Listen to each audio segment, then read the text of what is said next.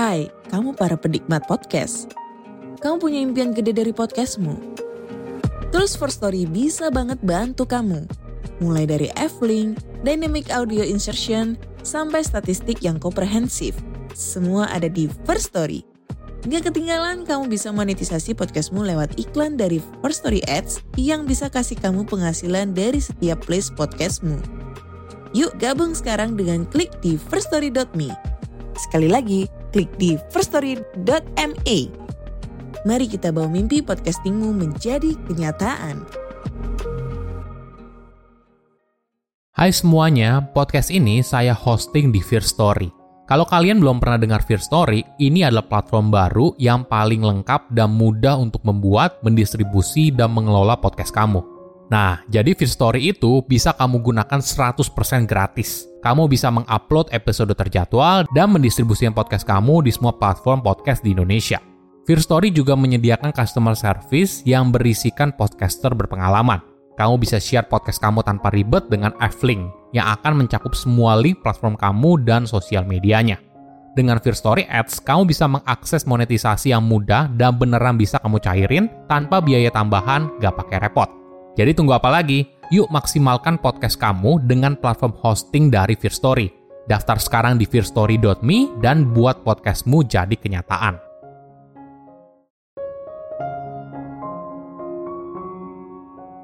Pikiran bisa membentuk realita. Ketika kita melihat dunia sebagai tempat yang penuh dengan peluang yang tidak terbatas, kita bisa menggapai kesuksesan yang kita inginkan. Halo semuanya, nama saya Michael. Selamat datang di channel saya, Sikutu Buku. Kali ini saya akan bahas soal abundance dan scarcity mindset. Apa yang kita yakini bisa membentuk realita hidup yang kita jalani. Jika kita merasa selalu kekurangan, maka mungkin kamu akan merasa cemas, stres, dan insecure. Di sisi lain, jika kamu merasa kalau dirimu berkelimpahan, maka mungkin kamu akan merasa senang, optimis, dan percaya diri.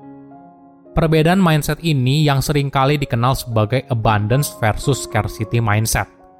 Orang dengan abundance mindset merasa kalau dunia itu berkelimpahan, akan ada banyak peluang dan kesempatan untuk dirinya.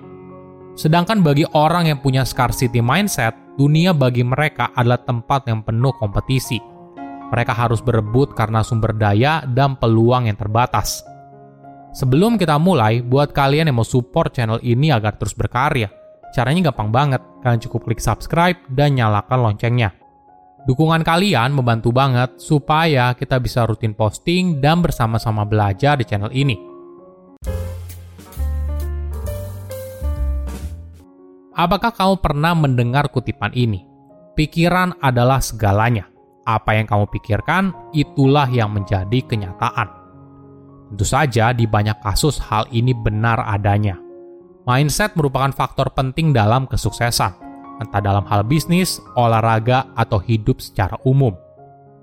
Stephen Covey dalam buku terlarisnya The Seven Habits of Highly Effective People mungkin yang pertama mempopulerkan terminologi scarcity versus abundance mindset. Scarcity mindset merujuk pada kondisi di mana seorang melihat dunia sebagai kue yang terbatas. Jadi, jika ada orang lain yang mengambil kue itu, maka sisa bagi yang lain akan semakin kecil. Inilah yang membuat seseorang jadi cemburu melihat kesuksesan orang lain. Misalnya, teman kamu mendapat promosi jabatan, jualannya laku, dan sebagainya. Kamu merasa kalau kesuksesan dia justru membuat peluang kamu semakin kecil untuk sukses Ibaratnya, ini merupakan sebuah kondisi win-lose situation, di mana ada sebuah pemenang, maka ada yang kalah. Jadi, jika orang lain menang, maka kamu akan kalah. Oleh karena itu, kamu harus bersaing dan memastikan kalau orang lain tidak akan menang. Sebaliknya, abundance mindset merujuk pada pemikiran seorang kalau dunia itu merupakan sebuah tempat yang berlimpah setiap orang punya peluang dan kesempatan yang tidak terbatas. Jadi, mereka tidak perlu bersaing untuk mendapatkan sesuatu. Mereka justru bisa bekerja sama untuk mendapatkan kelimpahan bagi mereka semua. Ini merupakan situasi yang win-win. Secara alamiah, manusia memang terbiasa melihat scarcity atau kelangkaan Ini merupakan cara kita bertahan hidup. Bayangkan di zaman dulu di mana kita harus berburu untuk bisa mencukupi kebutuhan hidup sehari-hari. Kita harus selalu bersaing dengan orang lain agar bisa bertahan hidup. Namun di era sekarang, saya rasa mayoritas orang sudah hidup jauh lebih baik. Menariknya, scarcity versus abundance mindset tidak terbatas apakah mereka memang dalam kondisi yang berlimpah atau tidak. Orang yang hidupnya secara ekonomi cukup mungkin saja bisa punya scarcity mindset. Banyak faktor kenapa seseorang bisa punya scarcity mindset. Bisa bisa saja dipengaruhi oleh pengalaman pribadi, faktor budaya, dan sosial. Pertama, pengalaman masa kecil pengalaman hidup usia dini punya pengaruh besar dalam membentuk mindset seseorang. Jika seseorang tumbuh dalam lingkungan di mana semuanya terbatas atau sering kali merasakan kesulitan mendapatkan apa yang diinginkan, mungkin saja hal ini membentuk scarcity mindset. Misalnya, orang itu tumbuh dalam ekonomi yang kurang baik, kurangnya kesempatan dalam hidup, atau mengalami tantangan untuk memenuhi kebutuhan sehari-hari. Hal ini bisa membentuk pemikiran kalau apa yang ada di dunia itu terbatas. Kedua, iklan dan media. Pasti kamu sering dengar kalimat di iklan seperti penawaran terbatas, hanya satu hari, untuk 100 orang pertama, dan sebagainya. Lama-kelamaan, bisa saja kamu terpengaruh kalau apa pun di dunia itu merupakan sesuatu yang langka. Ketiga, kegagalan pribadi. Dalam hidup, mungkin saja kita menemui kegagalan, ada yang sifatnya kecil, ada juga yang besar. Misalnya ditinggal oleh orang yang dicintai, mengalami PHK, bisnis yang gagal, dan sebagainya. Pengalaman ini bisa saja berpengaruh besar pada bagaimana kamu melihat hidup. Mungkin kamu jadi percaya kalau peluang itu terbatas, kamu tidak berdaya, kamu tidak kompeten, dan sebagainya. Perlu dipahami, mindset entah itu abundance atau scarcity bukanlah sesuatu yang fix tidak bisa diubah tapi lebih kepada sebuah spektrum di mana seorang bisa berpindah, tergantung dari pengalaman dan perkembangan dirinya.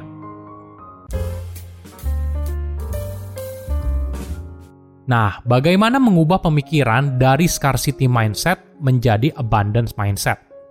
Pertama, fokus pada apa yang kamu punya.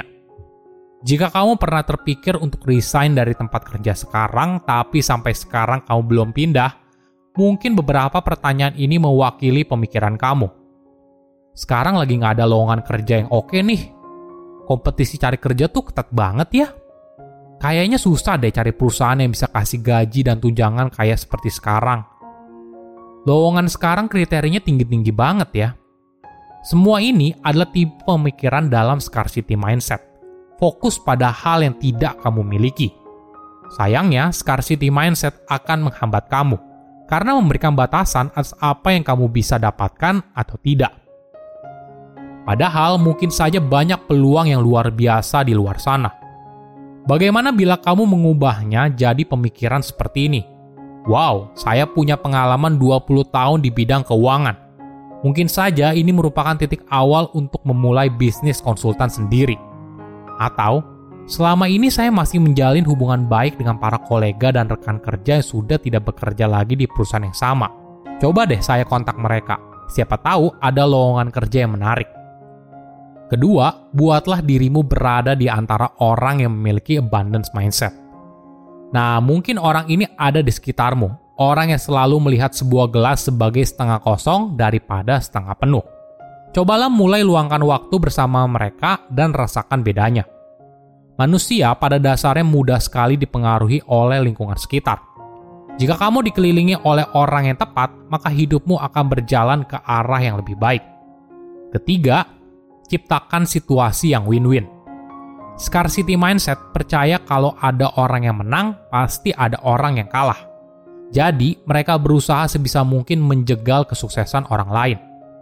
Kenapa? Karena apabila orang itu sukses, maka peluang kamu sukses akan semakin kecil. Tentu saja, pola pikir ini bisa menghambat kesuksesan. Kamu tidak berusaha untuk berkolaborasi, tapi sibuk menjatuhkan satu sama lain. Padahal, jika saja kamu berkolaborasi, tidak perlu ada yang kalah. Kalian berdua bisa sama-sama jadi pemenang. Mungkin konsep ini sulit dipahami oleh banyak orang, kita terbiasa diajarkan kalau ada pemenang pasti ada yang kalah. Sebisa mungkin jadilah pemenang daripada orang yang kalah. Padahal dalam situasi yang win-win, kalian berdua bisa sama-sama memaksimalkan potensi keuntungan dan mengurangi kerugian.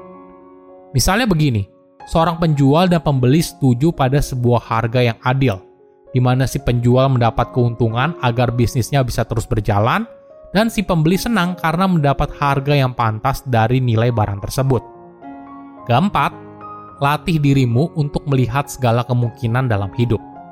Abundance mindset melihat dunia sebagai sebuah tempat yang melimpah, begitu banyak peluang, kesempatan, pilihan, dan sumber daya. Hal ini penting karena ketika otak kita terlalu fokus pada satu hal, kita sering kali melewatkan banyak hal lain di sekitar yang mungkin saja bisa memberikan kita peluang yang lebih baik. Ketika kamu berpikir kalau kamu tidak bisa atau semuanya mustahil, maka segala kemungkinan hidup telah tertutup. Cobalah latih pikiranmu untuk melihat dunia dengan cara yang berbeda. Tanyakan ke diri kamu, jika kamu punya semua waktu dan uang yang ada di dunia, apa yang akan kamu lakukan? Pertanyaan ini akan membantu kamu untuk membuka pikiran pada segala kemungkinan dalam hidup. Silahkan komen di kolom komentar pelajaran apa yang kalian dapat ketika tahu informasi ini. Selain itu, komen juga mau tahu informasi apa lagi yang saya review di video berikutnya. Saya undur diri, jangan lupa subscribe channel YouTube Sikutu Buku. Bye bye.